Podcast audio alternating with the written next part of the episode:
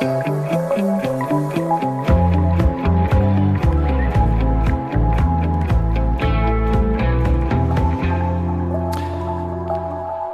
så skal jeg øh, starte med at beklage, at uh, der går lidt uh, musik ind over vores uh, intro her, men uh, det kan vi forhåbentlig få skruet af på en eller anden måde. Vi prøver lige at se, om vi kan få gang i noget teknisk løsning, hvad det angår, men uh, nu tror jeg det da, i hvert fald det forsvandt. Sikke en god start. Det har været lidt hektisk også bare at få øh, folk på plads i de forskellige studier og på de forskellige linjer. Sådan er det en gang imellem, når man sender øh, live radio.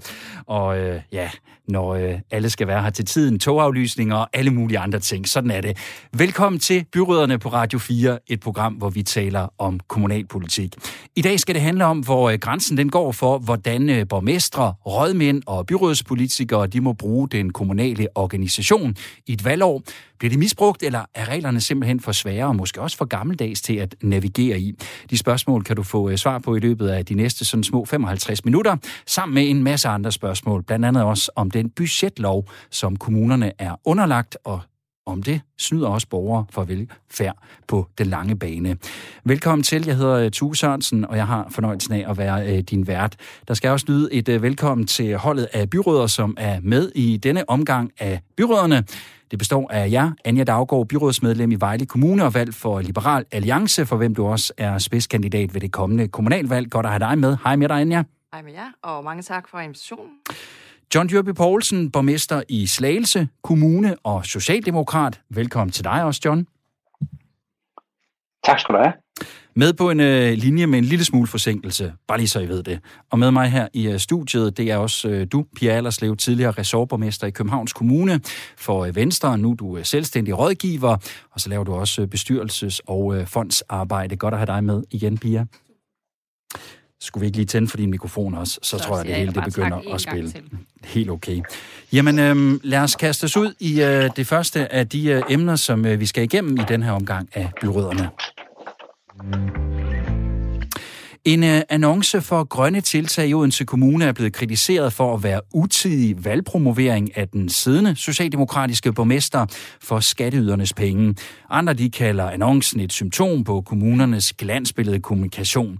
I Aarhus der bliver en rådkvinde fra Dansk Folkeparti nu undersøgt for, om hun har overtrådt kommunestyrelsesloven i en række mails, hvor hun skrev til forvaltningsdirektøren, at der skulle tænkes i DF det næste år, og anbefalede jo også at blæse på økonomien for at få mere kvalitet og service ind på sundheds- og omsorgsområdet.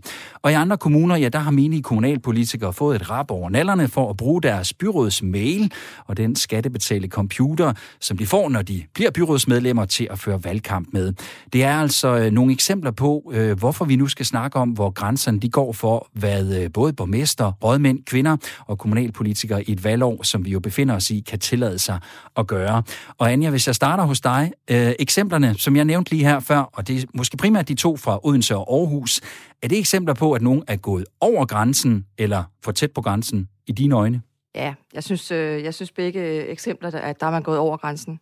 Altså, øh, og jeg ved ikke, hvordan man skal øh, formulere nogle regler her i, i den her sammenhæng. Jeg synes, i stor udstrækning, det handler om øh, etik, og det handler om ordentlighed.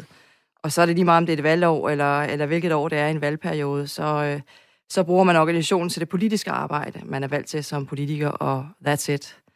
Altså, øh, ja, jeg synes, det er ikke at komme ud øh, det her. Jeg kan godt forstå, det er fristende for, for nogle politikere, at man har en, øh, en organisation til rådighed, og man har nogle kommunikationsmuligheder i den position, man er i. Øh, det, det skal man altså, øh, der skal man altså kende en eller anden grænse og også øh, se ind af. Men jeg vil også sige, øh, jeg synes måske også, at øh, man i organisationen har en forpligtelse til at sige fra. Altså, embedsmændene har også en forpligtelse til at, øh, at kende deres grænse og at sige fra over for politikerne. Og den del af det, den lover den skal vi nok øh, vende tilbage til. Øh, John, hvad mener du egentlig? Er det på grænsen, eller måske også over grænsen, de her eksempler? Ej, nu vil jeg ikke påtage mig sådan en dommerrolle i forhold til de konkrete sager, fordi der kan jo være mange nuancer, som, som vi ikke har mulighed for at sætte os ind i eller være vidne om. Så det tror jeg, man skal passe øh, lidt på med. Øh, men det er klart, der er en gråzone, og den her gråzone er i virkeligheden, øh, i virkeligheden meget stor og meget bred, øh, fordi man, man påtager sig en rolle, når man laver nogle regler på det her område, øh, at man skal dække alt ind, og det kan man naturligvis ikke. Øh, og som vi ser det i mange andre sammenhæng, så overhælder virkeligheden i virkeligheden meget hurtigt øh, de regelsæt, øh, man har opstillet. Øh, og det betyder også, at vi kommer ind i den her gråzone. Og nogle gange, øh, så vil øh, nogen træde ikke bare ind i gråzonen og langt ind i gråzonen, men måske også et stykke over. Jeg tror altid, man skal, man skal man skal anvende, men man skal anvende sådan sin sunde fornuft, når man gør et eller andet. Altså det er jo ikke forbudt for en kommune at lave for eksempel en bosætningskampagne. Øh, øh, og det ville være lidt mærkeligt, hvis man ikke på en eller anden måde har en borgmester, rådmand eller lignende øh, på en eller anden måde med i sådan en kampagne. Om man så skal gøre det i et valgår eller ikke et valgår, det bliver jo også en del af drøftelsen. Så, så man skal passe på med at tro, at man kan opstille meget firkantede regler for det her. Men jeg tror heller ikke på det der med, at man siger, nu skal vi bare alle sammen udvise ordentlighed, så går det nok. Der vil altid være en gråzone, der vil også være en drøftelse, og det vil være forskelligt øh, fra kommune til kommune, fra politiker til politiker, fra borgmester til borgmester, hvad man synes er ordentlighed og ikke ordentlighed. Pia, øh, nu er du jo rådgiver også, og hvis du tager den kasket på, hvad vil du så have sagt til de her to øh, pågældende kommunalpolitikere, henholdsvis inden den ene sagde ja til at medvirke i den her annonce, og inden den anden trykkede send på de her mails? Jeg vil først og fremmest sagt til dem, at øh, jeg synes, de skulle prøve at, øh, at, at tænke sig rigtig godt og grundigt om, om det her det var til gavn for kommunen, eller om det var til gavn for dem selv. Det var det spørgsmål, jeg altid stillede mig selv, da jeg var borgmester. Øh, gør det noget godt for mig, eller gør det her noget godt for kommunen? Og jeg er jo helt enig med John i, at hvis man skal øh, sælge øh, sin kommune som byudvikling eller noget andet, så ville det da se mærkeligt ud, hvis borgmesteren ikke også optræder. Men det kunne man måske få gjort uden for det valgår, eller man kunne øh, gøre det i dialog med, øh, med udvalgsformanden for teknik og miljø, eller man kunne gøre det, så, så andre også føler sig inddraget. Jeg tror, at der, hvor hvor jeg også nogle gange er blevet stødt, når jeg har set nogle af mine borgmesterkolleger være ude og promovere sig, så har det jo været, når, når man har følt, at det her det har været mine skattekroner, og alle andre skattekroner, der blev brugt alene til et reklamestånd, som man lige så vel kunne have lavet uden borgmesterens billede, eller man lige så vel kunne have lavet lang tid før et kommunalvalg. Øh, vælgere er heldigvis ikke øh, dumme, så de kan godt gennemskue øh, de, langt de fleste af dem, hvornår at noget det bliver lidt for tygt. Men almindelig sund fornuft, almindelig ordentlighed, og så det der med at spørge, gør jeg det her for at promovere mig selv, eller gør jeg det, fordi jeg kan se, det her det, det gør noget godt for vores kommune? Det vil være, det vil være mine sådan, første gode råd. Men det er vildt, vildt svært, det her. Øh, som borgmester, øh, i hvert fald i Københavns Kommune, så har man jo et kæmpe apparat omkring sig. Man har taleskriver, man har sekretærer, man har chauffører, man har øh, kommunikationsfolk, og de arbejder jo alle sammen i forvaltning. De er ansat i forvaltning, men det med arbejde, de laver, det laver de jo for at kunne hjælpe den borgmester, der sidder der, eller for den øh, udvalgsformand, der sidder der. Så, så det er jo hele tiden den der med at, at forholde sig til, øh, om de opgaver, man så sætter i gang, er rimelige, eller de ikke er rimelige. Øh, vi havde en diskussion, kan jeg huske, under et kommunalvalg, hvorvidt vi borgmestre, vi måtte bruge vores borgmesterbiler øh, til at transportere os til vælgermøder. Men altså ofte så lå vælgermøderne jo indimellem øh, alle mulige andre borgmesterrelevante møder. Så hvis vi skulle kunne nå overhovedet at deltage i noget som helst, så var vi nødt til at lade os fragte frem og tilbage. Og der indgik vi en aftale borgmestrene imellem, at selvfølgelig må vi det, fordi ellers kan det simpelthen ikke hænge sammen, det her. Øh, så det er jo også den måde, man, man kan lave sine egne spilleregler for, øh, med hinanden i kommunen. Jeg ved godt, det er et øh, svært spørgsmål for dig, der sidder og lytter med, men øh, hvis du har en holdning til det, så må du meget gerne byde ind med, hvad det betyder for dig og med nuværende byråd, de altså bruger kommunen og den organisation, man har bag sig der i et valgår, og om du også synes, det er okay, eller måske en smule for rigidt, at øh, ja, man for eksempel ikke må bruge ens byrådsmail eller den computer, man har fået som kommunalpolitiker, eller borgmesterbilen, som øh, Anja hun nævner her. Send en sms ind på 1424. Husk at starte din besked med R4, og så laver du et øh, mellemrum, hvorefter du øh, skriver beskeden. Og nu har vi jo øh, talt lidt om det. John, du nævnte det mange gange. Det, det, det er sådan et gråzonefelt, det her. Og spørgsmålet er jo, om reglerne er øh, klare nok, eller om de er for øh, uklare. Det skal vi også lige øh, vende. Hvis man spørger kommunalforsker og forskningslektor på Danmarks Medie- og Journalisthøjskole, Roger Buk, ja, så burde de ikke være til at misforstå, i hvert fald når det kommer til valgpropaganda. Prøv at høre, hvad han siger her. Nej, man kan jo sige, som kommunalpolitiker eller som borgmester har man jo fuldstændig frit slag i forhold til, hvad man vil kommunikere. Der gælder sådan set ikke nogen regler overhovedet. Øh, de må gøre, som de vil. Der, hvor problemstillingerne opstår, og hvor der også er diskussioner i nogle kommuner, det er jo, når kommunikationsfolk øh, kommunikerer borgmesteren eller kommunikerer på vegne af borgmesteren, øh, at der der er nogle grænseflader i forhold til, hvad man kan tillade sig. Så politikerne har sådan set ikke, synes jeg, nogen som helst problemer, men det har nogle af deres ansatte øh, som, som lige skal være klar over, hvad man må og hvad man ikke må. Og der tænker jeg ikke, at reglerne er særlig komplicerede. Det, det bør være åbenlyst for enhver. kommunikationsansat i en kommune, at man ikke kan fungere som øh, propagandaapparat for borgmesteren. John, du sidder jo øh, både som siddende borgmester og er jo i princippet også i øh, valgkamp for at blive øh, genvalgt. Nu får du sådan lidt et dobbelt spørgsmål. Er du, er du helt sikker på, hvad du må og hvad du ikke må, og er du også sikker på, at folkene i din organisation er klar over, hvad de må? Altså, hvis jeg nu starter med det sidste først, øh, så, så tror jeg ikke, det er så entydigt, som Rorbuk gør det til. På den anden side er det jo heller ikke sådan, at det er jo fuldstændig øh, i tåge øh, og i blinde. Øh, og mine folk har sådan haft en indgangsvinkel til det, at øh, vi må hellere være lidt ekstra forsigtige. Øh, og, og det skal ikke være nogen hinanden. Nogle gange har det irriteret mig lidt. På den anden side tror jeg, det, det, det er den rigtige måde at, have, øh, at anskue det her på, og det er den rigtige indgangsvinkel at have til det. Øh, det næste er jo, at det bliver utrolig svært at, at skælne, øh, hvad er det sådan, der er rent øh, propaganda i forhold til for eksempel mit kandidatur til næste øh, kommunvalg, øh, og min, øh, min position som borgmesterkandidat øh, og siddende borgmester. Hvornår er jeg ude i noget, der er valgkamp, og hvornår er jeg ude i noget, der egentlig er min opgave som borgmester? Ja, der, man kan jo i virkeligheden være begge dele, øh, og man kan sige, at hele byrådsperioden er min agering som borgmester ligger jo alt andet lige op til et genvalg, hvis det er sådan, at man søger genvalg. Og det betyder jo ikke, at det er valgkamp i fire år. Så, så det, er, det er svært at skelne imellem, og jeg synes, det bliver lidt for nemt, hvis vi som politikere siger, det er i virkeligheden embedsfolkene, der må tage den vurdering, og hvis de står inden for det, så er det okay.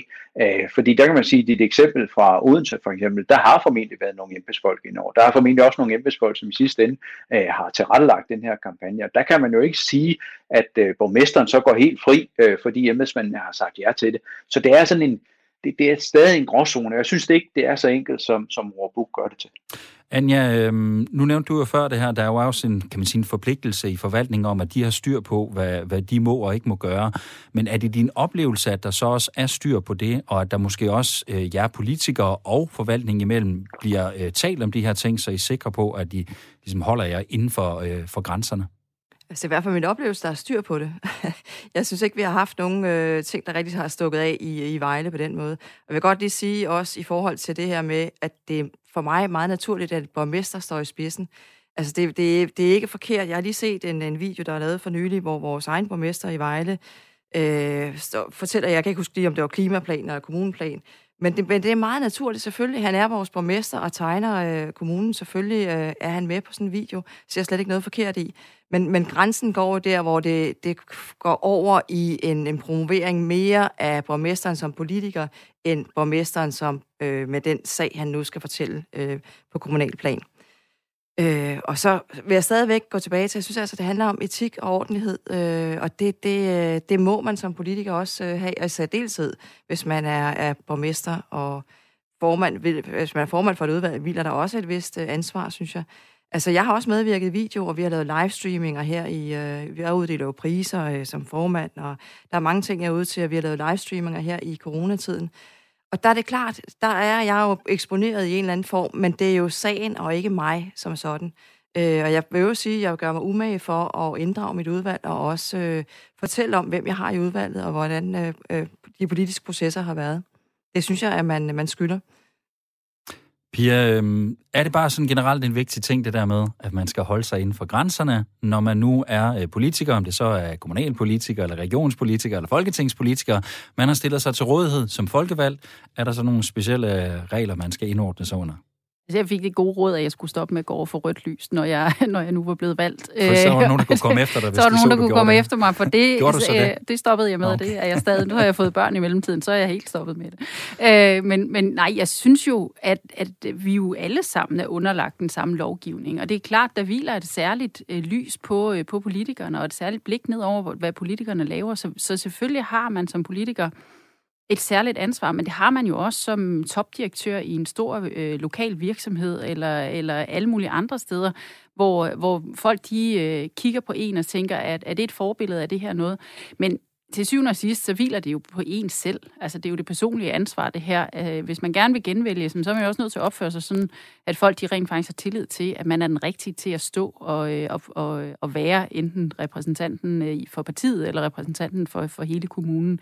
Og må jeg så ikke bare lige sige, fordi jeg synes faktisk lige det der med, om man må bruge sin egen mail, og man må bruge sin egen computer, jeg synes faktisk, det er lidt vigtigt, fordi jeg ved, hvor mange timer man som menigt medlem af et byråd, eller en borgerrepræsentation, eller et regionsråd bruger på politik. Og hvis man hele tiden skal gå, gå og være bange for, om man bruger den ene telefon eller den anden telefon, eller om man bruger den ene computer eller den anden computer, om det er nu fra den ene mail eller den anden mail, så tror jeg simpelthen, det vil afholde folk fra at være så dygtige politikere, som de ville kunne være. Så de regler, dem er vi simpelthen nødt til at få lavet om, og så sige, selvfølgelig, selvfølgelig må man ikke som den her DF-rådmand øh, øh, øh, begynde at pålægge at lave DF-politik men det gør man jo alligevel. Det gør man så bare mere indirekte og lidt mere elegant end, end tilfældet her. Men selvfølgelig må man kommunikere fra sin egen mail, og selvfølgelig må man sende mails frem og tilbage, øh, der, der øh, har med sit arbejde at gøre, også selvom det er, er øh, fra den private mail, eller det er fra borgerrepræsentationsmailen. Man skal også passe på, at man ikke gør reglerne så firkantede, at folk ikke gider politik. Der er i forvejen for få, synes jeg, der har lyst til at kaste sig ind i det arbejde. Så hvis vi laver flere rigide regler øh, på sådan nogle helt øh, op, øh, håbløse områder her, så, så skræmmer det bare endnu flere væk. Men den almindelige ordenhed, den, øh, den kan vi godt bruge. Inger, som øh, lytter med, hun er med på dit hold der, Pia. Hun skriver, kør blot i ministerbilerne eller borgmesterbilerne i det her tilfælde. Brug dog de mailmuligheder, I har. Stop nu den øh, smålighed og misundelse og vær lidt voksne, skriver hun. Øhm, og John, det her med, at I for eksempel ikke, du må ikke bruge din borgmestermail i et valgår her, eller til at føre valgkamp på. Og det her med, at man måske ikke lige må bruge den ene telefon og den anden computer, eller en tablet, eller hvad det nu måtte være. Altså, jeg tænker, kan det overhovedet rent praktisk lade sig gøre, ikke at få det blandet sammen? Nej, det kan det i praksis ikke, øh, for nu at skære det helt ud øh, og skære ind til benet. Jeg er meget enig med piger i, i det synspunkt. Øh, og det bliver noget mærkeligt noget, hvis vi skal sidde og, og, og kontrollere hinanden, eller have nogen til at sidde og kontrollere os. Har vi nu gjort det ene eller det andet? Også fordi det er ikke så skarpt og skældende, men, men det er klart, at der kan være nogle enkelte situationer, hvor vi siger, at det her er det måske sådan mere det ene end det andet, og hvad så? Jeg synes ikke, at vi skal bruge tid på at regne rundt med sådan en, en en tomstok og, og, og målt alt ud helt til, til den mindste millimeter, om det nu er, ligger inden for reglerne eller ikke ligger inden for reglerne, og så have en lang diskussion om, de nu gør det eller ikke gør det. Der synes jeg også, at vi skal være lidt mere large. Og så, nu har vi jo ikke, nu har jeg jo ikke en borgmesterbil, øh, som man har i nogle af de meget store kommuner, øh, men vi har jo adgang til, at jeg kan låne en af kommunens biler og køre et sted hen til et møde, hvis det er det, jeg skal for eksempel. Øh, og hvis jeg tager sådan en bil ud til et øh, vælgermøde eller et interview med radioen og lignende i forbindelse med en valgkamp, ja, så giver det sig selv, at det er måske nok lige i overkanten. Men hvis jeg for derfra skal ud til et andet møde, som er embedsvedfører, hvad så? Må man, må man ikke? Ja, det må man nok ikke, hvis man tager meget, reglerne sådan meget øh, millimeteragtigt. Men, men herre Gud, hvad sker der ved det? Hvad sker der ved, at et byrådsmedlem, der i forvejen har en e-mailkonto, bruger øh, den e-mail til noget, som er relateret til valgkamp? Ja, der sker ikke noget ved det. Der er jo ikke gået noget fra nogen. Og vi er jo ikke, altså, vi er jo ikke derhen, hvor PC og e-mail er noget nyt, og, og noget, som koster mange penge, eller øh, det vil give anledning til ekstra omkostninger for kommunen, hvis et byrådsmedlem bruger sin mail til sådan noget som det her. Så der er jeg enig i, at lad os nu tage det stille og roligt, og lad os finde en, en, en måde for det her til at fungere, som, som, øh, som passer alle, og som ikke betyder, at vi skal gå rundt med sådan en tomstok hele tiden og, og måle de her små millimeter, fordi det dur ikke. Hvad siger du, øh, Anja? Øh, fordi at, øh, det kan også være, at du, man kan jo sidde og have den holdning og sige, John, det er måske også lidt nemmere for John, fordi han er jo borgmester og sådan noget. Han har jo nogle andre muligheder og alt sådan noget, ikke, som du måske som mini-byrådsmedlem ikke har. Men, men hvad siger, hvad siger du til det? Ja, jeg tænker faktisk, at jeg har de samme muligheder, stort set. Okay. jeg, jeg føler mig også meget privilegeret. Øh, men, men jeg vil også sige, at jeg er meget enig øh, med de to andre i forhold til, at det kan også blive for rigidt i forhold til det her mail øh, og, og brug af computer og sådan noget. Det er altså en skæringspunkt på en eller anden måde, og det er rigtigt som politiker. Der er, altså, jeg føler, at jeg er politiker 24-7. Altså, øh, øh, det, der kommer nemt et eller andet øh, ind, som er, der, der bliver det jo meget rigid, så man ikke må sende en mail eller, eller lignende. Jeg har godt nok øh, to telefoner og to øh, iPads og to alting, fordi jeg har valgt øh, fra starten af den her byrådsperiode, jeg vil godt holde min, øh, min egen private ting øh, for sig selv, men det, øh, men det kommer til at flyde lidt øh, overlap. Det kan, det kan ikke undgå, så jeg tror ikke, der er nogen kommunalpolitikere, der ikke øh, på en eller anden måde også har fået deres øh, kommunale mail involveret i noget, der vedrører noget privat øh, eller noget andet i forhold til valg. Vi skal lige høre en øh, gang mere fra øh, kommunalforsker Roger Buk fra øh, Danmarks Medie- og Journalisthøjskole, og høre endnu et bud på, hvorfor sager om kritik af hvad kan man sige, valgpromovering opstår, men måske også, hvad man kan gøre for at forebygge dem. Man kan jo sige generelt set, at kommunerne kommunikerer meget mere, end de gjorde for 10 eller 20 eller 30 år siden. Øh, og der ligger selvfølgelig et problem der, at man har fået mange flere kommunikationsfolk, og man kommunikerer det hele taget i kommunen meget mere. Og det kan selvfølgelig være en udfordring til, at man hele tiden lige husker, øh, hvad man må og hvad man ikke må. Øh, så, så det kan være en udfordring, altså selve volumen af kommunikation i sig selv. Og det er jo også derfor, jeg synes, det er oplagt, at kommunerne tager det her emne op, altså kommunalbestyrelserne tager det op for at lave kommunikationspolitikker, øh, eller justere sine kommunikationspolitikker, sådan at der ikke er nogen tvivl om, hvad man kan og hvad man ikke kan, når man kommunikerer på vegne af kommunen. John, øh, har I haft øh, sådan en snak i øh, Slagelse Byråd om, om øh, der øh, I måske lige skulle øh, få, få styr på, hvad aftalerne er, eller er det noget, I talesætter internt?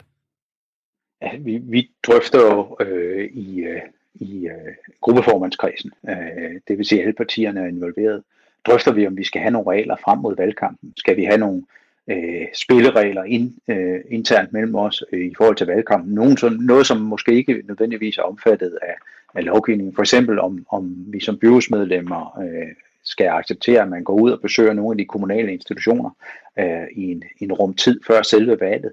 Øh, sådan nogle ting drøfter vi, men, øh, men det som Overbuk nævner med en decideret kommunikationsstrategi, og, ind, og det er egentlig det, loven også lægger op til, at vi som kommunalbestyrelse skal forholde os til, hvad må vi og hvad må vi ikke i den sammenhæng. Øh, der, der er vi ikke helt henne endnu. Skal I derhen? Ja, det kan godt være, at vi bliver nødt til det, øh, måske endda før valget, og i hvert fald at, at, at slå nogle streger i sådan et stort format og sige, her er rammerne, det er det, vi øh, kommer til at forholde os til, men det bliver sådan en, en, en uformel aftale mellem øh, gruppeformændene. Øh, jeg tror ikke, vi kommer til at behandle det i byrådet, i hvert fald ikke på den her side af valget. Anja, øh, nu nævner John det her med, øh, jeg hører ham lidt sige sådan nogle øh, gode gammeldags gentleman agreements, man kan lave. Pia nævnte også det her med, at, at de internt blandt øh, ressortborgmesterne i Københavns Kommune aftalte, at de måtte godt bruge borgmesterbilen, øh, også i, i, i forhold til nogle øh, valgting. Øh, har I lavet, øh, skal I lave, eller har I lignende aftaler i Vejle Kommune også? Øh, det er faktisk ikke klar over. Jeg ved ikke, om der er noget på vej, måske. Øh, nu sidder jeg ikke i økonomiudvalget, hvor der også måske øh, kan man forestille sig, at det der det vil ligesom blive født og, og ryge videre ud til i det politiske niveau. Øh, så jeg er faktisk ikke helt klar over.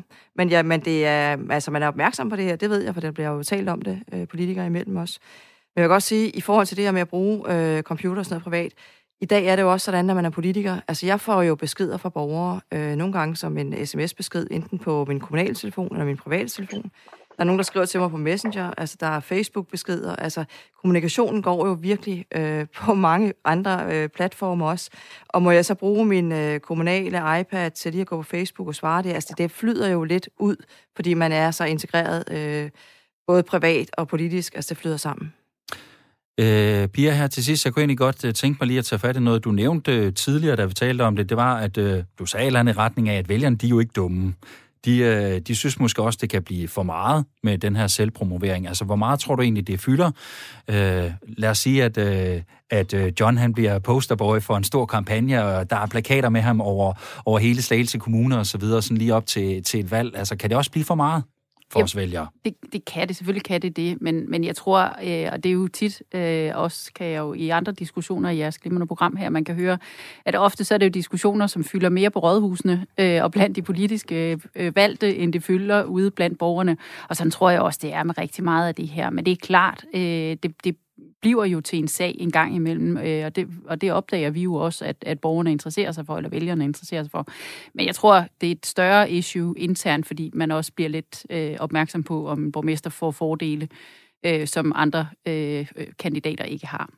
John, er det noget, du mærker som borgmester, at der er nogen, der måske føler, at du får nogle ekstra fordele, og der kan være lidt en slagside på en eller anden måde i forhold til, at du bliver du, øh, du er lidt mere ansigtet på kommunen udadtil, end, end mange andre er? Øh, det oplever jeg faktisk ikke. Øh, men for fire år siden, der var jeg jo selv i opposition. Og der, der kunne jeg jo godt synes, at øh, borgmesteren havde flere muligheder, end jeg havde dengang, men det, men det var mere sådan en, et udtryk for en decideret misundelse over ikke at have de samme muligheder. Og det, det er jo også det, den der... Øh, den der lidt øh, at være foran på point med en som borgmester, den er altså svær at få udlignet, også øh, via lovgivning eller regler. Det tror jeg simpelthen ikke, man kan. Øh, men jeg har ikke oplevet, at vi decideret har haft sådan en, en debat og en konkret sag, hvor, hvor borgmesteren, øh, det kan være mig eller nogle af mine forgængere, har, har sådan øh, krydset en linje, der er, eller gået over stregen. Øh, det har jeg faktisk ikke oplevet. Skal vi ikke lige nappe en, øh, en sms mere her øh, til sidst i den her snak? Øh, den er fra Dennis, som skriver Roger Buks påstand om, at det er simpelt at overskue reglerne, er nok rigtigt fra et teoretisk perspektiv, men i alle de processer, der er i gang i det daglige i en kommune, er det ikke så simpelt. Der er en magtrelation mellem byrådspolitikere og medarbejdere i en kommune, og derfor påviler der politikeren et særligt ansvar for at sørge for at kende reglerne og være ordentligt. Og Anja, den kan du måske lige slutte af med at kommentere på, for du nævnte jo også, at der også påviler et ansvar øh, hos de folk, der er i forvaltningen. Men har han en pointe her også, at øh, den her magtrelation, der måske også er, måske også gør, at, at ansvaret er større hos jer politikere? Ja, Ja, det synes jeg faktisk. Og det er igen, øh, som jeg også nævnte først, her, etik og ordentlighed. Altså det, det gælder også, altså det gælder politikerne især. Øh, og, og der er det ligegyldigt, om det er en valgperiode for mig, eller det er i, i de andre øh, år i en, i en periode. Altså, øh, helt klart, der, der hviler et, et, øh, ansvar, et, et større ansvar på politikerne også, fordi vi kan jo ikke lægge det hele over til embedsmændene, at de skal træffe øh, beslutningerne for os. Altså, det, det, øh, det går heller ikke.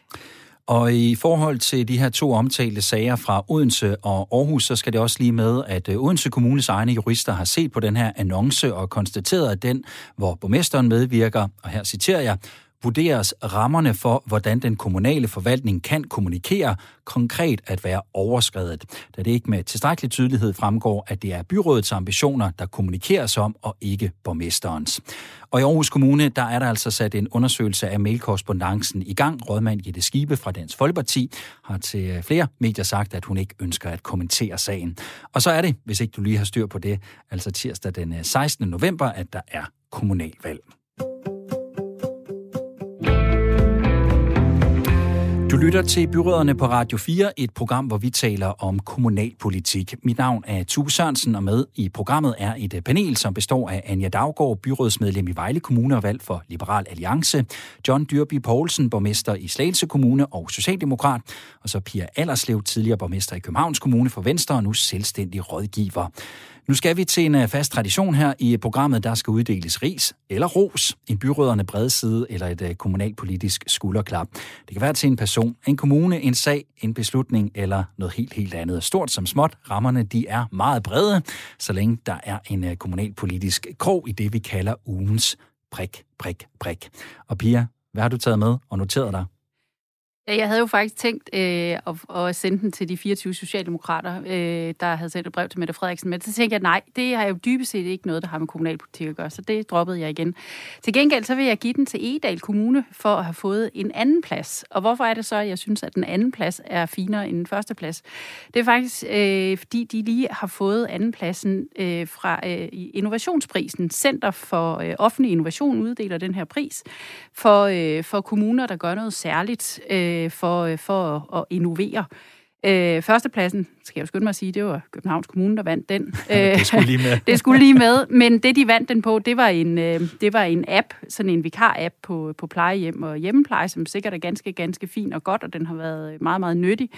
Men det, som jeg gerne vil fremhæve Edel Kommune for, og, og i særdeleshed øh, kommunaldirektøren Christine Brogdorf øh, for, det er det her med at tage fat i de øh, medarbejdere, man har, og kigge på, hvordan man får mere fleksibilitet ind i deres arbejdsliv. Hvordan sikrer man, at de kommunale medarbejdere de forstår, hvor vigtigt det er, at de er innovative, at de er fleksible, at det er dem, der ligesom er ansigtet udad til fra kommunen. Øh, fordi der, jeg synes, der er en tendens til i mange kommuner, at det bliver skrankepaver, det bliver byråkrater, det bliver folk, der holder sig så firkantet til reglerne og ikke kan bevæge sig nogen steder hen, uden at holde øh, stedig fast i en eller anden øh, kommunal øh, forvaltningslov. Og der synes jeg bare, at Edal Kommune på rigtig, rigtig mange punkter er gået foran. Øh, og det her det er bare et eksempel, øh, fordi de lige vandt i sidste uge. Eller det bliver nummer to i mit, i mit billede. Der vandt de, fordi det, det de har gjort, er, handler så meget om den kommunale selvforståelse, og hvordan vi, jeg synes, at en kommune bør drives. Øh, så den skal de, øh, de skal have simpelthen have ugens pris. Så vi sender ros videre til Edal Kommune, måske mere specifikt til kommunaldirektøren derude, for at skabe lidt øh, rum for, at øh, medarbejderne de kan være innovative. Ja, men jeg, altså, den går også til politikerne, fordi jeg kan jo se, at det er hele det er både borgmesteren, men det er også resten af byrådet, der bakker op om det her. Så det er ikke bare en, en driftig kommunaldirektør, der har fået en god idé. Det er, hun har hele flokken med af dygtige embedsmænd og politikere. Det var det modsatte af en bred side, men en bred, et bredt kommunalpolitisk, kommunalpolitisk skulderklap. Så fik vi tungen på glæde der. John, hvad har du taget med som ugens prik, prik, prik?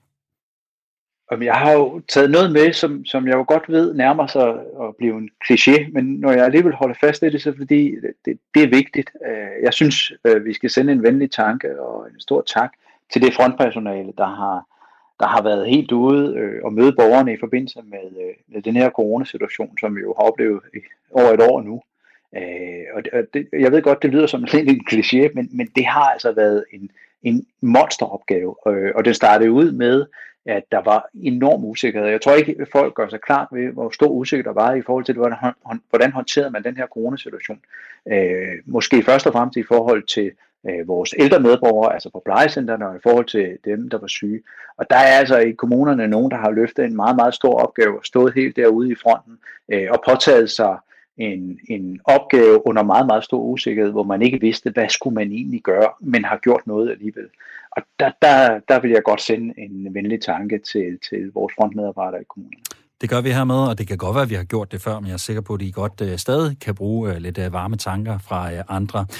Anja, hvad har du uh, taget med? Skal vi i ris- eller rosafdeling i din ugens prik, prik, prik? Vi skal i ros, og, uh, og jeg vil godt fremhæve uh, Holbæk uh, Kommune. Og øh, Holbæk Kommune, der har man øh, været rigtig gode til at bringe øh, de private i spil i øh, den kommunale opgaveløsning. Og det betyder, at de også har været rigtig gode til at opnå nogle administrative øh, besparelser. Holbæk har øh, den næstlaveste administration, øh, eller de næstlaveste administration, administrative omkostninger i øh, den her benchmark-analyse, som Indrigsministeriet de laver øh, hvert år. Øh, og det har den, fordi den efter har, altså har sparet på administrationen. Og samtidig så ligger Holbæk nummer 4 ud af alle kommuner i forhold til konkurrenceudsættelse. Og det har øh, siden 2017, tror jeg, så det, man skal nok dele den lidt mellem borgmestrene, men der har de simpelthen øget deres øh, konkurrenceudsættelse markant. Og det synes jeg er rigtig god politik. Det er til gavn for borgerne, og det giver altså en effektiv øh, værdi for, for de skattekroner, der kommer ind. Om det så skal deles lidt, for jeg tror, at den tidligere borgmester Søren Kærsgaard, som var borgmester her øh, i forrige periode, øh, fra, øh, og så også en ny borgmester fra Socialdemokratiet, øh, Christina nu er jeg tvivl om, hvordan hendes mellemnavn siger. Jeg tror, det hedder Christina Kryso. Du kan også bare sige Christina K. Hansen. Ja, Christina så er vi K. Hansen. Øh, jeg tror, de, de skal dele den her hedder lidt. Øh, øh, jeg vil sige, at den nuværende borgmester har i hvert fald videreført nogle af de her effektive tiltag, der er sat ind. Jeg synes, det er rigtig flot, og det er værd at efterfølge for, også for os i Vejle, og øh, for udnyttet hvad skal man sige, skatteborgernes øh, penge, der bliver indbetalt bedst muligt. Jamen øh, dejligt med al den ros, der bliver sendt videre her i øh, ugens prik, prik, prik. Vi håber, at nogle af dem, dem var henvendt til, de også uh, får lyttet med. Hver eneste dag, der bliver der jo rundt om i kommunerne brugt øh, penge, også mange penge på øh, velfærd til gavn for dig og mig og ja, alle os borgere. Om det så er til personale i daginstitutionerne, lærere i skolerne, hænder på plejehjemmene eller noget helt fjerde eller femte. Men øh, måske kunne der bruges endnu flere penge derude. Kommunerne de bruger nemlig sjældent det antal øh, kroner og øre, som de budgetterer med. Tal fra Danmarks Statistik viser, at kommunerne siden 2011 har brugt 26,6 milliarder kroner mindre end budgetteret. Og en af forklaringerne på det skal nok findes i det, der hedder budgetloven. Den vedtog Folketinget i øh, 2012 for at, øh, og nu citerer jeg igen, sikre balance eller overskud på de offentlige finanser og en hensigtsmæssig udgiftsstyring i stat, kommuner og regioner, som det altså siges. I budgetloven der ligger også, at en øh, kommune bliver straffet økonomisk, hvis den overskrider sit budget. Og jeg tænker, vi skal starte ved begyndelsen, nemlig med indførelsen af den her budgetlov, for den øh, var du med til at øh, stemme igennem i sin tid, John, da du sad i øh, Folketinget for Socialdemokratiet dengang, og øh, jeg tror endda også, du var øh, ordfører for partiet på øh, området her. Så John, du er jo den ideelle til at forklare, hvorfor blev den her budgetlov indført? Ja, det gjorde den, fordi der var flertal i Folketinget for det. Det en meget kort forklaring. Så er lidt længere. ja, det, og du har ret, jeg var ordfører på, på den lov, budgetloven i sin tid, da den blev indført. Øh, og det var der sådan set bred øh, enighed om, øh, og øh, vi skulle i gang med det. Og det, baggrunden var jo egentlig øh, finanskrisen.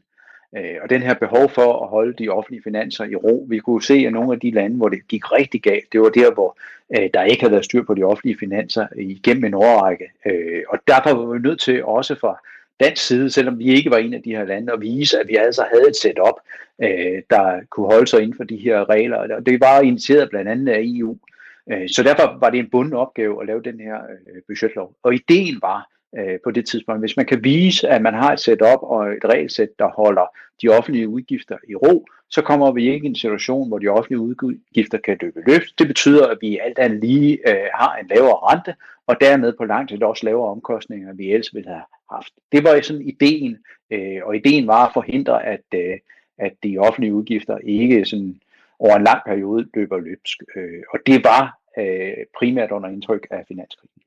Pia, øh, du laver sikkert et husholdningsbudget derhjemme med familien. Du har sikkert også en eller anden form for budget i din øh, egen virksomhed. Du slipper til gengæld for at arbejde med budgetloven, når du skal budgettere, fordi du ikke længere er kommunalpolitiker. Er du glad for det? Jeg tror, at da vi talte sammen tidligere, der sagde jeg, ej, den har jeg savnet. øh, med meget, meget slet skjult ironi. Det kunne man godt fordi, høre. fordi det var, og, og det sjove var faktisk, at jeg kort tid efter, at vi havde talt sammen, der mødte jeg en af mine tidligere medarbejdere, og så siger, hvis jeg siger budgetloven, hvad siger du så? Nå, barnepigelovgivningen, sagde han så. Øh, og det synes jeg jo var et fantastisk ord for den, fordi det er jo Altså, det er politikere og embedsmænd, som ikke tror på, at de selv eller andre politikere og embedsmænd kan finde ud af at passe på tingene. Øh, jeg er som egentlig grundlæggende meget, meget enig i intentionerne bag den her lovgivning. Jeg synes, det var meget fint, at vi fik sendt nogle signaler om, at der skal altså være styr på økonomien, der skal, at vi må ikke bruge flere penge, end vi har, og alt den der sund fornuft, som de fleste af os jo heldigvis er opdraget med. Men den er bare blevet meget, meget formønderisk. Den er blevet meget, meget firkantet, ufleksibel, øh, og, øh, og, og, og sætter øh, flere begrænsninger op, som gør, at noget af det, man gerne ville gøre, øh, fornuftige investeringer og alt muligt andet, det kan man ikke få lov til. Så i stedet for at være en, der gør, at man både driver kommunen fornuft, økonomisk fornuftigt, men også velfærdsmæssigt fornuftigt, så ender den med nu kun at blive økonomisk fornuftig. Og det er faktisk ikke altid økonomisk fornuftigt på den lange bane. Så det er sådan en, vi stoler ikke rigtigt på, at vi, øh, at vi i virkeligheden kan finde ud af det. Så nu er vi nødt til at sætte nogle helt øh, meget, meget ufleksible rammer op for det. Og jeg kan jo se, hvordan at man kæmper en brav kamp mange steder på at omgå det her, eller på altså Københavns Kommune, som jo heldigvis er en rig kommune, der har vi jo en gang om året øh, overførselssagsforhandlinger, øh, hvor, hvor det, vi ikke har fået brugt året før, det så bliver fordelt i sådan en gang julemandsleg. øh. Øh, og og det, er jo, det er jo fra en halv milliard og op, efter vi har siddet og fordelt hver eneste år, af ting, der ikke er blevet brugt året før, som måske kunne have været brugt ude til reel velfærd derude, og som de senere år er det blevet lidt bedre, men i del år har været brugt til tand og fjas, til at man kunne gå ud lige og, og få den der bænk, man gerne ville, eller gøre de der mærkelige ting, man synes, der var vigtigt. Og det er ikke det, den her lov var tænkt som. Øh, så jeg synes, den har spillet for lidt, og jeg synes, man er nødt til at gentænke den, også når man ser på, hvor presset nogle af de aller, aller mest sårbare grupper derude er på velfærdsområdet. Der er vi altså nødt til at have muligheden for at investere, også flereårige investeringer, øh, i stedet for at, øh, at, at køre i de her et års øh, intervaller. Anja, når I øh, driver politik i Vejle Kommune, er det her med, at der er den her budgetlov, er det, øh, er det følelsen af at have nærmest en økonomisk babysitter, som øh, Pia hun siger her? Ja, det sætter i hvert fald nogle begrænsninger for os. man kan sige, at i vores tilfælde, hvor vi er en vækstkommune, der, der sætter det nogle ekstra begrænsninger på, fordi man i forhold til, til den her styring fra central hold, der måler man på, hvordan øh, har det, er det gået i Vejle de sidste tre år. Man måler ikke på altså den øh, store vækst, vi har. Så vi har nogle udfordringer i forhold til øh, de investeringer, vi gerne vil foretage, og der er de her snævre rammer, der så er, at vi skal bevæge os indenfor. Men jeg må sige, at vi kører jo meget stram økonomistyring i, øh, i Vejle, og, øh, og det har da også været nødvendigt, fordi tidligere, der var det ligesom bare tillægsbevilling på tillægsbevilling på tillægsbevilling, og der var ikke samme styring. Altså nu kører vi meget, meget hård styring, og det har jo også vist sig at være, øh, være godt for kommunens økonomi. Men kunne I ikke gøre det, uden at der nødvendigvis var en budgetlov? Jo, jo, det, øh, det synes jeg bestemt. Øh, man kan jo sige, hvis man skulle øh, måske skulle prøve at ændre lidt på den her øh, øh, måde, og øh, budgetloven bliver styret på, så kunne man jo se lidt på nogle enkelte kommuner, der, øh, der har styr på, på sagerne, kan man sige, og give det større frihedsgrader. Øh, altså, jeg ved ikke, liberalt øh, er jeg jo, og jeg synes jo, at liberalt det er også decentralt, og kan vi få lov til at have større selvbestemmelse ude kommunalt, så vil det være fint. Og øh, hvis man spørger i øh, fagforbundet FORA, som øh, jo blandt andet repræsenterer de ansatte på sundheds- og omsorgsområdet, ja, så er budgetloven, og ikke mindst den her regel om, at man som kommune bliver økonomisk straffet for at overskride budgetterne, at det er en dårlig ting. Den er nemlig skyld i, at der bliver brugt færre penge på velfærd, det siger næstformand Thomas Inghausen budgetloven, groft sagt, så er det jo en økonomisk spændetrøje. Den begrænser groft sagt øh, hvad kan man sige, de lokale politikere i, i byrådene ude i kommunerne på at kunne lave hvad man sige, langsigtede investeringer, smarte investeringer faktisk også, på hvordan velfærden, øh, den borgernære velfærd, den skal, den skal finansieres. Så der, der kan man sidde i byrådssagen og få nok så mange gode idéer og også få flertal, lige indtil man når til, øh, til den sætning på papiret, hvor der står, husk lige budgetloven. Ikke? John, øh, går jeg og øh, andre, der sidder og lytter med, og alle os, der er borgere i hver vores øh, kommune, går vi klip af mere velfærd på grund af den her budgetlov? Ja, altså umiddelbart så er det rigtigt, at vi går glip af mere velfærd og mu- nogle muligheder i kommunen. På den anden side skal man også huske historien. Altså, Baggrund for budgetloven var også, at kommunerne øh, op gennem nullerne ikke havde været særlig gode til at overholde deres budgetter. Øh, og når jeg siger øh, ikke overholdt, så er det vel ikke fordi, at regnskaberne kunne mindre end budgetterne, men regnskaberne kom ud øh, med væsentligt større forbrug end det, der var lagt op til i budgetterne. Og det var også en af baggrundene for øh, budgetloven. Øh, og, det, og det skal man jo også have med i regnstykket, og det skal man huske, så vi skal helst ikke ind i en situation igen, hvor kommunerne sådan har en masse øh, overskrider budgetterne med i meget stor grad, fordi så er det, det bliver svært at styre de offentlige finanser. Øh, når det er sagt, så er det jo rigtigt, at, at øh, budgetloven som fokuserer på det næste år, den kunne godt fokusere på flere år. Øh, budgetloven kunne også fokusere på nogle af de store øh, områder, som der har fokus på. Det kan fx være miljøområdet øh, øh, øh og energibegrænsning øh, i kommunerne.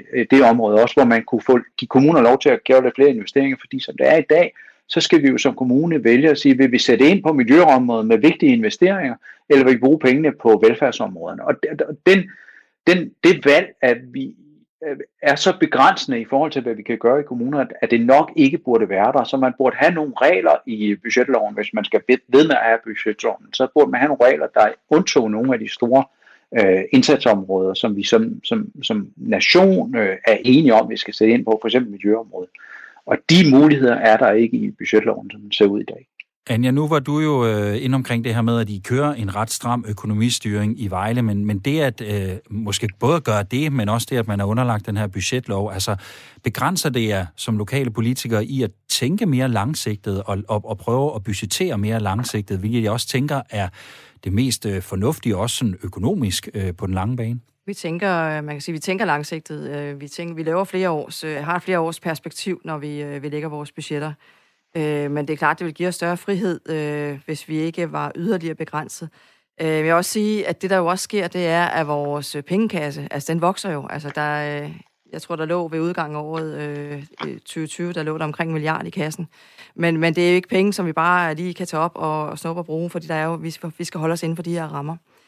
Men jeg vil også sige, at øh, vi gør det jo også selv. Altså, vi styrer jo også i en eller anden form, selvom vi har øh, decentrale enheder og pengeposer ude i vores institutioner osv., hvis man skal tage det trin længere ned, så styrer vi jo også lidt centralt fra, hvor meget må man spare op, hvor meget må de her institutioner lægge øh, videre til næste år, og sådan noget, hvis de ønsker sig noget.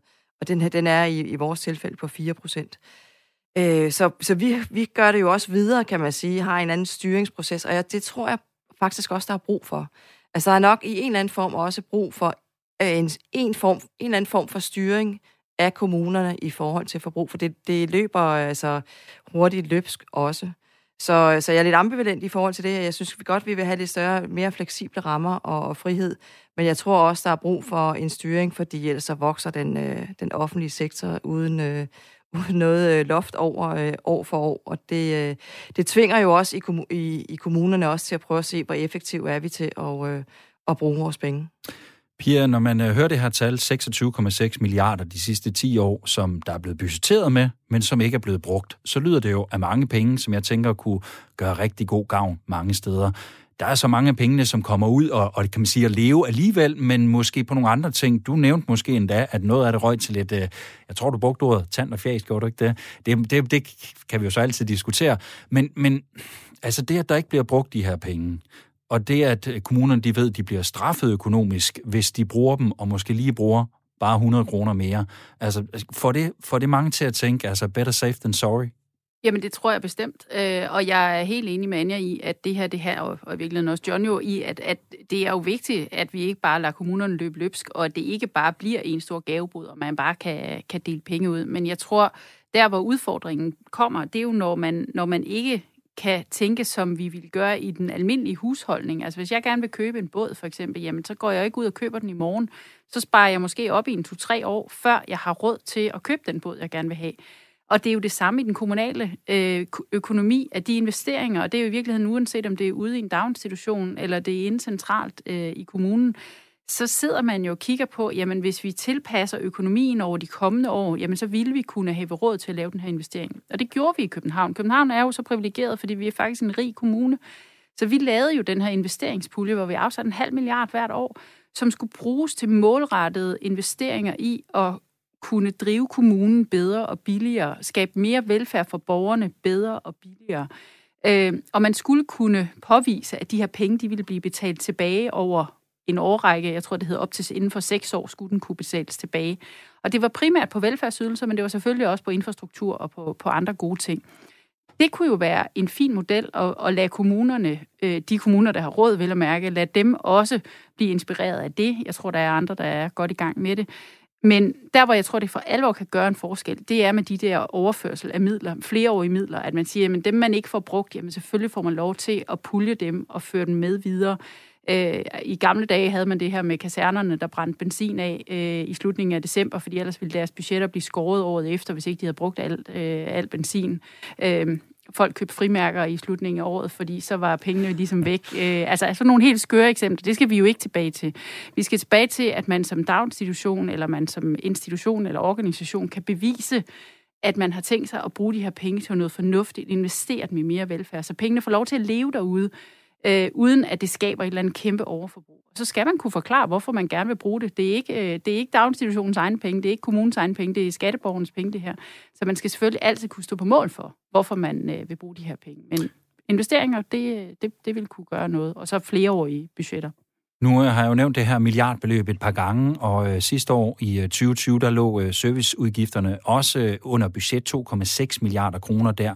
Og det øh, undrer fagforbundet Fora, som øh, vi hørte fra før, som vi lige skal høre fra igen nu, at det her det beløb, øh, som også ifølge deres udregninger, det skal lige med, det er deres udregninger, bliver større fra år til år, og altså også under en øh, coronakrise. Og det har altså undret næstformand Thomas Enghausen, som øh, vi skal høre fra igen her beløbet her begynder jo samlet set at blive så stort, så, så, så man sidder og tænker, altså bruger de ikke pengene? Da corona startede op, eller, eller ramte Danmark, der blev der jo meldt ud, jamen vi dækker de udgifter, I måtte have. Og så kommer man alligevel ud med et mindre forbrug, når nu øh, regnskabet skal gøres op. Så der, der kan det godt undre, at man heller ikke i sådan en ekstraordinær situation kan, kan komme ud, øh, når regnskabet skal gøres op med, øh, med, med nogle penge i overskud. John, øh, kan du forklare mig, hvorfor man heller ikke ude i kommunerne kan bruge hele budgettet under en øh, coronakrise, hvor jeg i hvert fald tænker, at der er nok at bruge penge på? Ja, det er der, men, men det er der sådan set en meget enkel forklaring på. Øh, dels er kommunerne nu i en situation modsat det, vi var for, for 8-10 år siden, øh, at vi altid kommer til med det styringsregime, vi har, at ligge under budgetterne, fordi, altså samlet set for kommunerne, fordi det er det, vi er givet på, det er det, vi er indstillet til, og det er sådan lidt fornuftigt nok, så kan man sige, at i forbindelse med coronasituationen, så er det jo rigtigt, at, at vi alle sammen var ude og sige, at nu skal der hjælpepakker på, og nu skal der en men det betyder også, at der er mange aktiviteter, som vi var nødt til øh, at udsætte, eller måske helt skrotte. Øh, det gælder også på investeringssiden. Da vi øh, startede op øh, på coronakrisen for et år siden, så var vores indgangsvinkel til den, at øh, nu var vi bange for, at for eksempel byggesektoren gik i stå, og derfor ville vi godt holde hånden under for eksempel byggebranchen. Øh, øh og det viser jo, at det var forkert, fordi der kom for alvor gang i byggebranchen. Det var der sådan set øh, næsten i forvejen, og derfor skal vi også passe på, at vi i kommunerne med de udgifter, vi bruger øh, på investeringssiden eller på driftssiden, at vi ikke bidrager til sådan en overophedning af dansk økonomi, og det skal også med i billedet. Øh, så det betyder jo, at, at vi er nødt til at tage hensyn til, hvad er det for en økonomi, vi ser i Danmark i det hele taget. Hvis der er godt gang i økonomien, og der er tryk på kedlerne, så skal vi som kommuner og offentlig sektor i det hele taget jo ikke bidrage til, at der kommer endnu mere overophedning med de omkostninger, der er med det. Omvendt, hvis vi er i en lavkonjunktur, hvor, hvor der sådan øh, er, er ved at være øh, mangel på øh, arbejde, ikke arbejdskraft, men mangel på arbejde, mangel på job, mangel på investeringer, så skal vi jo i den offentlige sektor, og kommunerne udgør halvdelen af den offentlige sektor, så skal vi jo også forstå og gå ind og sige, så er det der, vi skal putte lidt ekstra i. Så er det der, vi skal bygge en ekstra idrætshal, hvis der er behov for det. Øh, og derfor er vi jo lige nu, og det synes jeg, vi alle sammen bør være i den kommunale sektor, i den situation, hvor vi overvejer, overveje, hvis vi gerne vil have for eksempel en idrætshal, er det lige nu, vi skal gøre det? Er det nu, hvor det koger og syder bobler i byggesektoren? Er det nu, vi skal bygge en ekstra hal?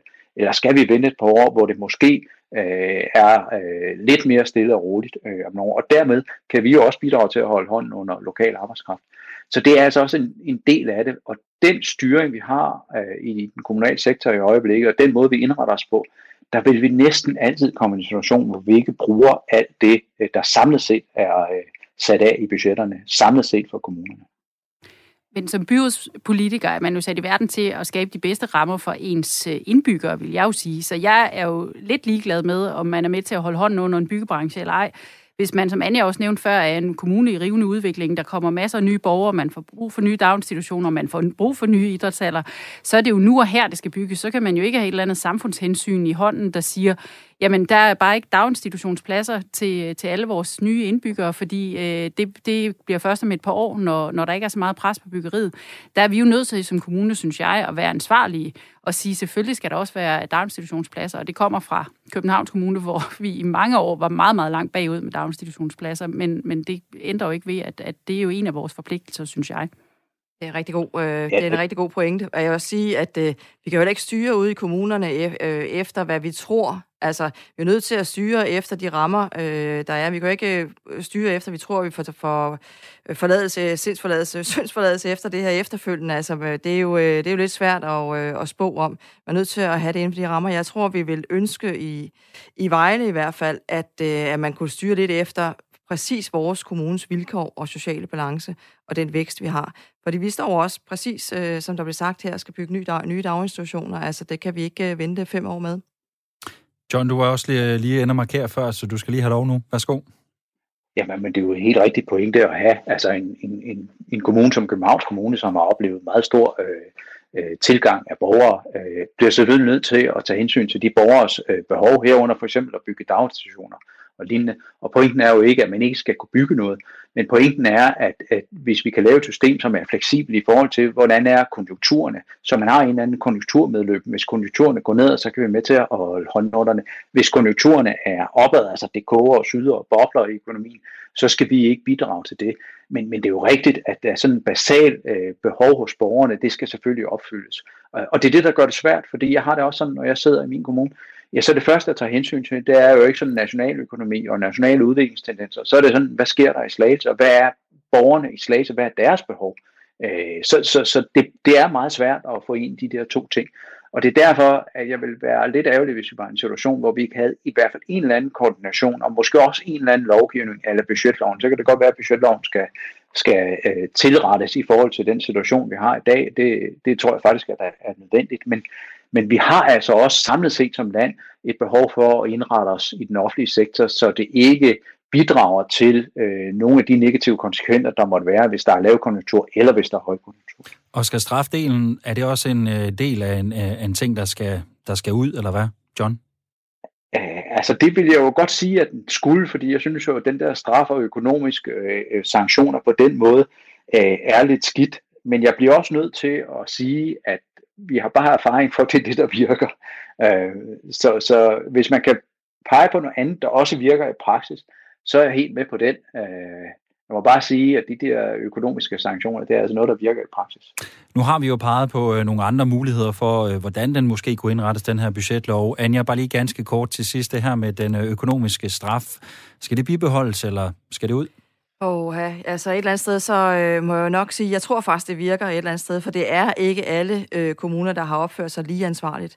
Øh, I hvert fald ikke historisk set, øh, og står i en, en anden situation i dag. Så på en eller anden måde, så virker det nok. Øh, det tror jeg faktisk, det gør. Men, øh, men jeg vil, ja... Man, øh, Kunne man på en eller anden måde skabe nogle mere fleksible rammer for, for nogle kommuner, der på en eller anden måde har lever op til, til at have styr på deres øh, økonomi, så vil det være fint. Ganske godt, Pia. Sådan en mere fleksibel model af en budgetlov, tror du, det kan lade sig gøre i praksis? Jeg tror ikke, det kan lade sig gøre i praksis, men jeg vil også synes, det var den mest hensigtsmæssige måde at gøre det på. Men, men jeg er jo enig, der, altså, man er nødt til også at have en konsekvens på øh, hvis man overskrider de, øh, de regler og retningslinjer, der er sat op. Øh, man kan ikke øh, agere ud fra solidariske principper alene. Det, det er der for mange kommuner, der ikke er interesseret i. Så vi er nødt til at have et strafsystem, men hvis hele budgetloven bliver mere fleksibel og flereårig for eksempel, så, så tror jeg ikke, det bliver et stort problem. Men den slipper ikke af med ødenavnet babysitterlovgivning, tror du? Nixon. Nixon. Det var øh, alt for øh, den her omgang af byråderne på øh, Radio 4. Øh, et stort tak til jer i øh, panelet, som var med den her gang. Anja Daggaard, byrådsmedlem i Vejle Kommune og øh, spidskandidat for Liberal Alliance. Tak for det, Anja. Jeg siger også tak. Også tak til dig, John Dyrby Poulsen, borgmester i Slagelse Kommune og øh, Socialdemokrat. Tak fordi du var med. Selv tak. Og sidst, men absolut ikke mindst, også tak til dig, Pia Allerslev, tidligere ressortborgmester i Københavns Kommune for Venstre, nu selvstændig rådgiver og øh, aktiv inden for bestyrelses- og fondsarbejde. Tak for det, Pia. Selv tak. Der skal også lyde tak til kommunalforsker Roger Buk, som var med, og Thomas Enghausen, næstformand i FOA. Begge var med i klipform undervejs. Du kan genhøre programmet som podcast eller på Radio 4's hjemmeside. Byråderne er produceret af Rakkerpark Productions for Radio 4. Thor Arnbjørn og Gry Brun Mathisen er redaktører. Programmet her var tilrettelagt af Julie Lindhardt Højmark og undertegnet. Jeg hedder Tue Sørensen.